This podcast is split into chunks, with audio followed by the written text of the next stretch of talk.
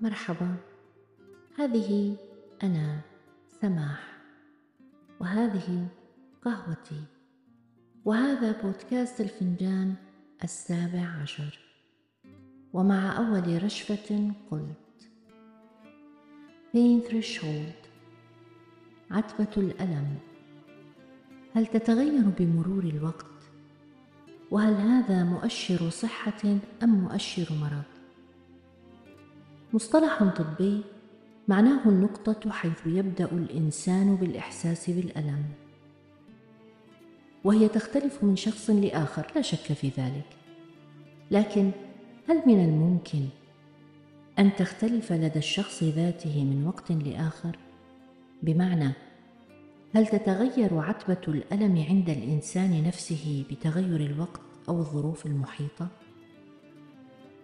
في الحقيقة حيرني هذا الأمر وبحثت في الموضوع فوجدت رايا علميا معتمدا بان التغيرات الكيميائية التي تطرأ على التركيبة الجينية للإنسان تغير عتبة الألم لديه. شأنها في ذلك شأن سائر التغيرات في المنظومتين الفسيولوجية والبيولوجية في الجسم البشري. لكن ماذا عن المنظومة السيكولوجية؟ هل تتأثر عتبة الألم النفسي كذلك بتلك التغيرات؟ أظنها تفعل. فما كان يؤلمك شعوريا في السابق ستجد أنه ما عاد يؤلمك كما كان. إنها التغيرات ال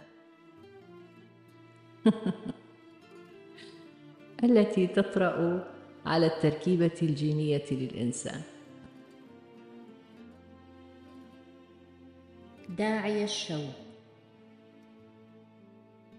لداعي الشوق مجنون ومفتون باحساسه أقول اليوم إن تسمح بإعلان لافلاسي فشوقي للقى ميت. وفي جمع من الناس. أكان الحب من حولي وعني قاب أقواسي؟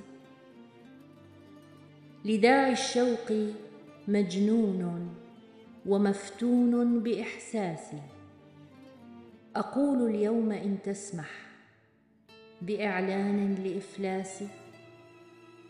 فشوقي للقى ميت. وفي جمع من الناس أكان الحب من حولي وعني قاب أقواسي؟ أجاء الآن يلقاني ويعمي عين جلاسي؟ ليحيي القلب من موت ويشفي الروح من باس ويسقي الخمر من كف فتروي دون ما كاس بيان اليوم إعلان بناقوس وأجراس يدوي في الملا علما. ولهف الشوق مقياسي. أنا ما عدت أهواه ولهف اجتث من ساسي. بيان اليوم إعلان بناقوس واجراس يدوي في الملا علما ولهف الشوق مقياسي.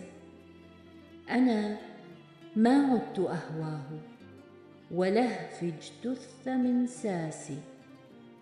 بقايا ما له عندي حديث الناس للناس وأني حين ألقاه بوجه الذاكر الناس لقى المظلوم منصورا بخصم جائر قاسي سيشفى حينها قلبي وتخبو نار أنفاسي.